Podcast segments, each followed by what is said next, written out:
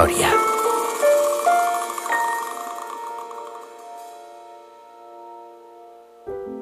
Heu sentit mai a parlar de les històries de superació? Es tracta del cas d'algunes persones que ho tenen tot en contra, que ho estan passant malament o que tenen impediments físics o psicològics. Però, tot i les adversitats, i malgrat que sovint estan a punt d'abandonar, no es rendeixen i tiren endavant. Es marquen un objectiu i finalment l'assoleixen. Són històries emocionants, de vegades increïbles, que et fan reflexionar sobre els girs que fa la vida – és el cas de la nostra protagonista d'avui. Aquesta dona estava passant un dels pitjors moments de la seva vida. Estava trista, deprimida i fins i tot s'havia arribat a plantejar fer un disbarat. Però just en aquell moment va acabar d'escriure un llibre que canviaria la seva vida de dalt a baix. Un llibre del qual es van vendre milions d'exemplars a tot el món – estem parlant d'una dona que, gràcies a la seva imaginació, va passar de sobreviure amb penes i treballs a ser multimilionària. Una dona que ha fet història. Sabeu com es diu? J.K. Rowling.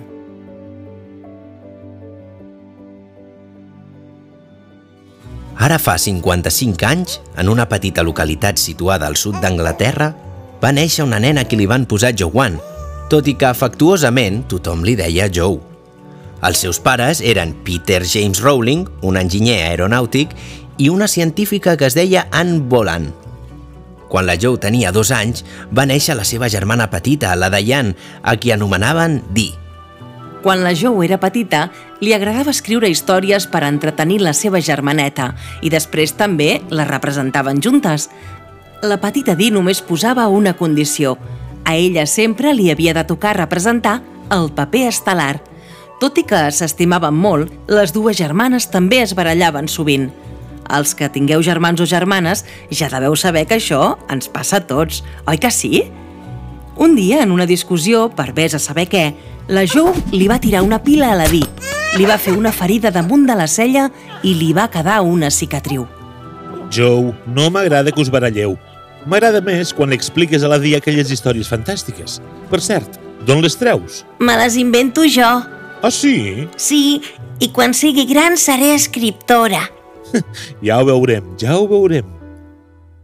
La Joe sabia que si volia ser escriptora hauria de llegir molt, i llegia moltíssim. De fet, li agradava molt estudiar. A l'escola treia molt bones notes – als 9 anys, la família es va mudar a Bristol i allí tenien uns veïns que tenien un cognom que a la Joe li feia molta gràcia. Eren els Potter. No hi tenia gaire relació, però utilitzava sovint aquest cognom en les seves fantasies.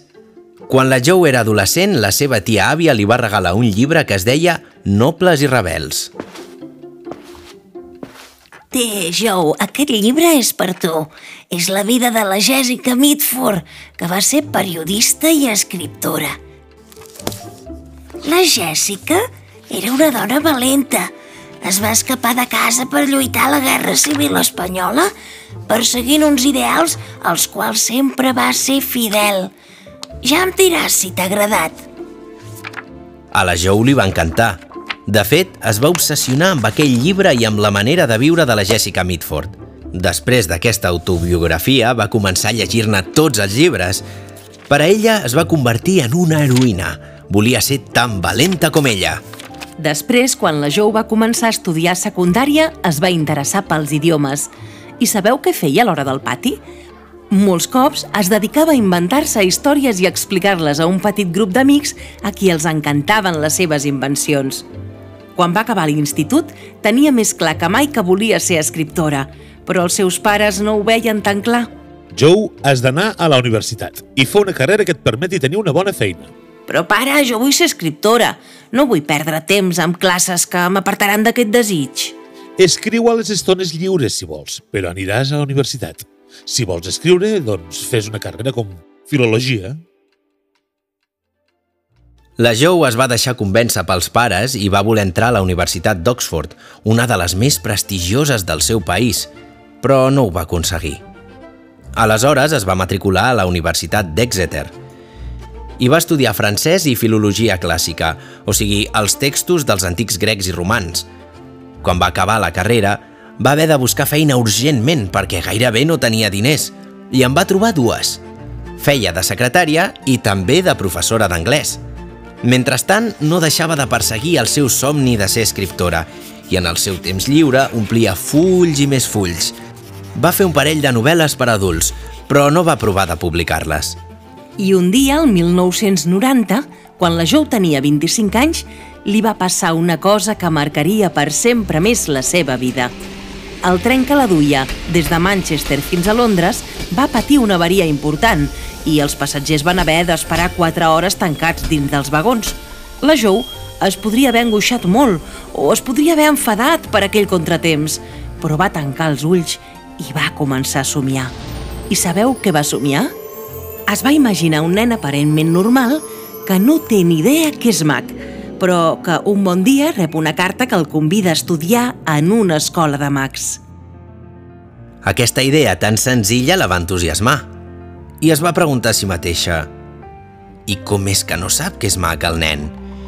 I ella mateixa es va respondre perquè els seus pares, que són morts, també eren mags i ell encara no ho ha descobert. La idea cada vegada li agradava més i va començar a imaginar-se moltes més coses de l'entorn d'aquell nen. Mm, el nen durà ulleres i tindrà una cicatriu damunt de la cella com la que li vaig fer a la Di. Es dirà Potter, que és el millor cognom que existeix. en Potter tindrà una amiga que serà com era jo quan era petita, molt estudiosa i que treu molt bones notes. I el director de l'escola de Max s'assemblarà molt al director de l'escola on vaig anar, el senyor Alfred. Va imaginar com seria aquella escola de Max. Va imaginar centenars de detalls, el vestuari, la decoració, el paisatge... I també es va imaginar què li passaria a aquell nen curs rere curs fins que acabés l'escola. Atrapada en aquell vagó de tren, la Joe va buscar si tenia un bolígraf o un llapis per anotar totes aquelles idees. Però no en tenia ni tan sols un llapis d'ulls. Així que va seguir pensant i pensant. És clar, quatre hores són molt de temps per pensar. I l'emocionava tant aquella història que li havia aparegut dins del cap com un llampec que va estar segura que no se li oblidaria. Quan va arribar a casa va començar a fer anotacions de totes aquestes idees en diferents papers i quaderns. Tot i així, encara no es va decidir a començar a escriure la novel·la a raig. Només apuntava idees i feia moltíssims dibuixets però unes setmanes després va passar una tragèdia. La seva mare, que havia estat malalta durant anys, va morir. I a la Jou la va atrapar una tristor molt profunda. No tenia força per a res. Es passava els dies plorant i li sabia molt greu que ni tan sols li havia pogut explicar a la seva mare aquella idea tan bona del nen mag. Va estar força temps immersa en aquella pena, fins que va decidir que necessitava un canvi d'aires per tornar a ser feliç i un dia, llegint el diari, va veure un anunci interessant. A la ciutat portuguesa d'Oporto buscaven una professora d'anglès. Sense pensar-s'ho dues vegades, va fer les maletes i se n'hi va anar. Allà a Portugal es va enamorar d'un home, s'hi va casar i van tenir una filla. I sabeu quin nom li va posar? Jessica, com l'escriptora que tant li agradava d'adolescent. Però el matrimoni amb aquell home portuguès no va anar bé ell cada cop bevia més alcohol, que li canviava el caràcter. Es va tornar agressiu i aquell matrimoni es va convertir en un infern. 13 mesos després de la boda es van separar i ella se'n va tornar amb la seva filla de 4 mesos al Regne Unit. Es va instal·lar a la ciutat escocesa d'Edimburg, molt a prop d'on vivia la seva germana Dee. Pobra Joe.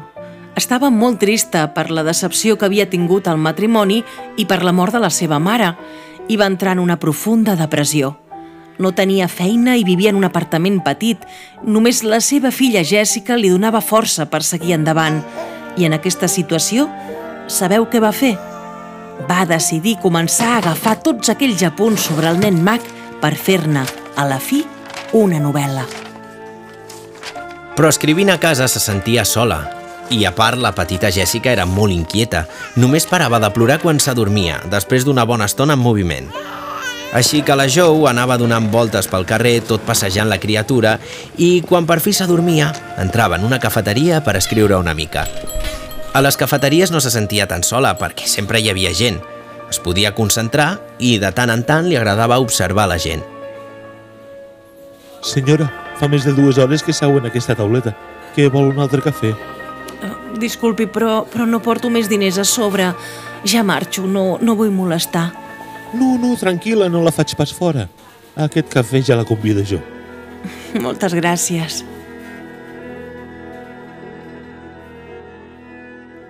Aquell sentiment de tristor, aquella depressió que tenia, la va transformar en uns personatges malvats que surten a la novel·la.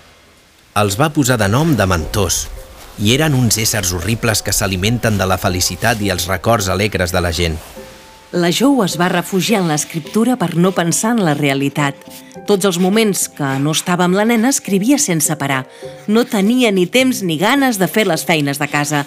Només tenia ganes d'escriure. Cada capítol l'escrivia i el reescrivia constantment fins que estava tal com li agradava. S'ajudava de dibuixos fets per ella mateixa per imaginar-se els personatges i les seves característiques. I també s'inventava moltíssims noms de personatges. Molts els agafava de poblets i ciutats petites que llegia en un mapa. Finalment, al cap de 5 anys, va acabar la novel·la. Ja està! Ja l'he acabada! Es titularà Harry Potter i la pedra filosofal. M'agrada com ha quedat. Ara ve la part més difícil, intentar que algú la vulgui publicar. Fins a 12 editorials li van dir que no la publicarien. Per ser una novel·la infantil té massa pàgines. I l'editorial que feia 13, la Bloomsbury, va estar a punt de negar-s'hi també. Però va passar una cosa màgica.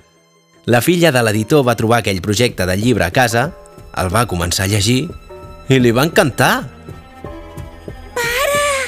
Ha més aventures d'aquest Harry Potter? M'ha agradat molt, en vull més!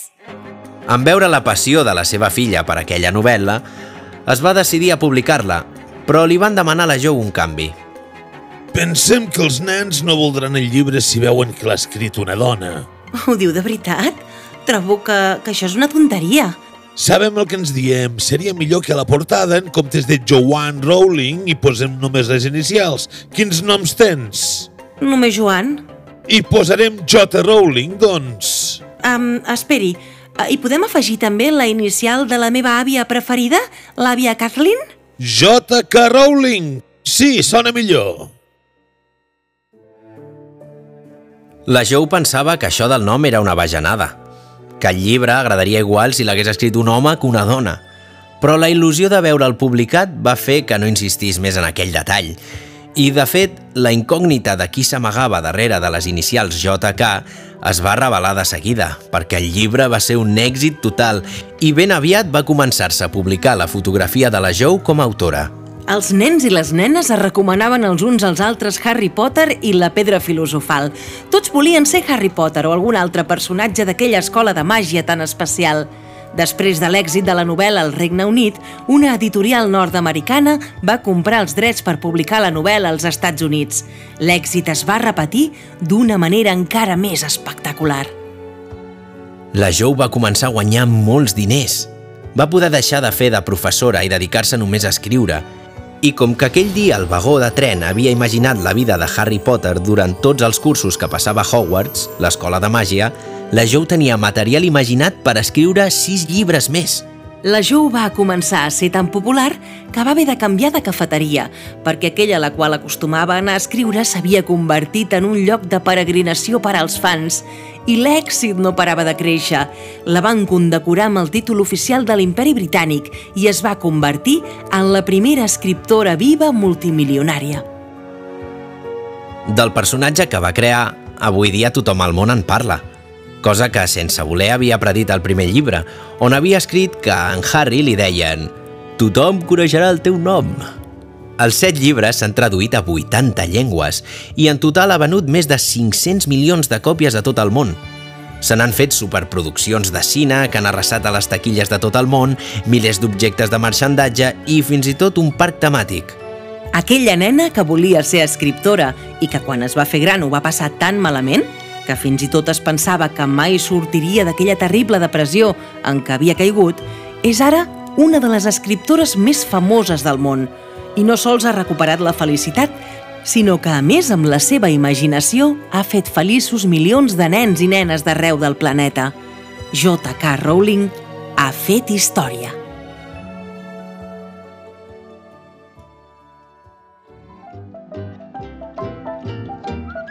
Si vols conèixer més sobre J.K. Rowling, entra a petitsapiens.cat.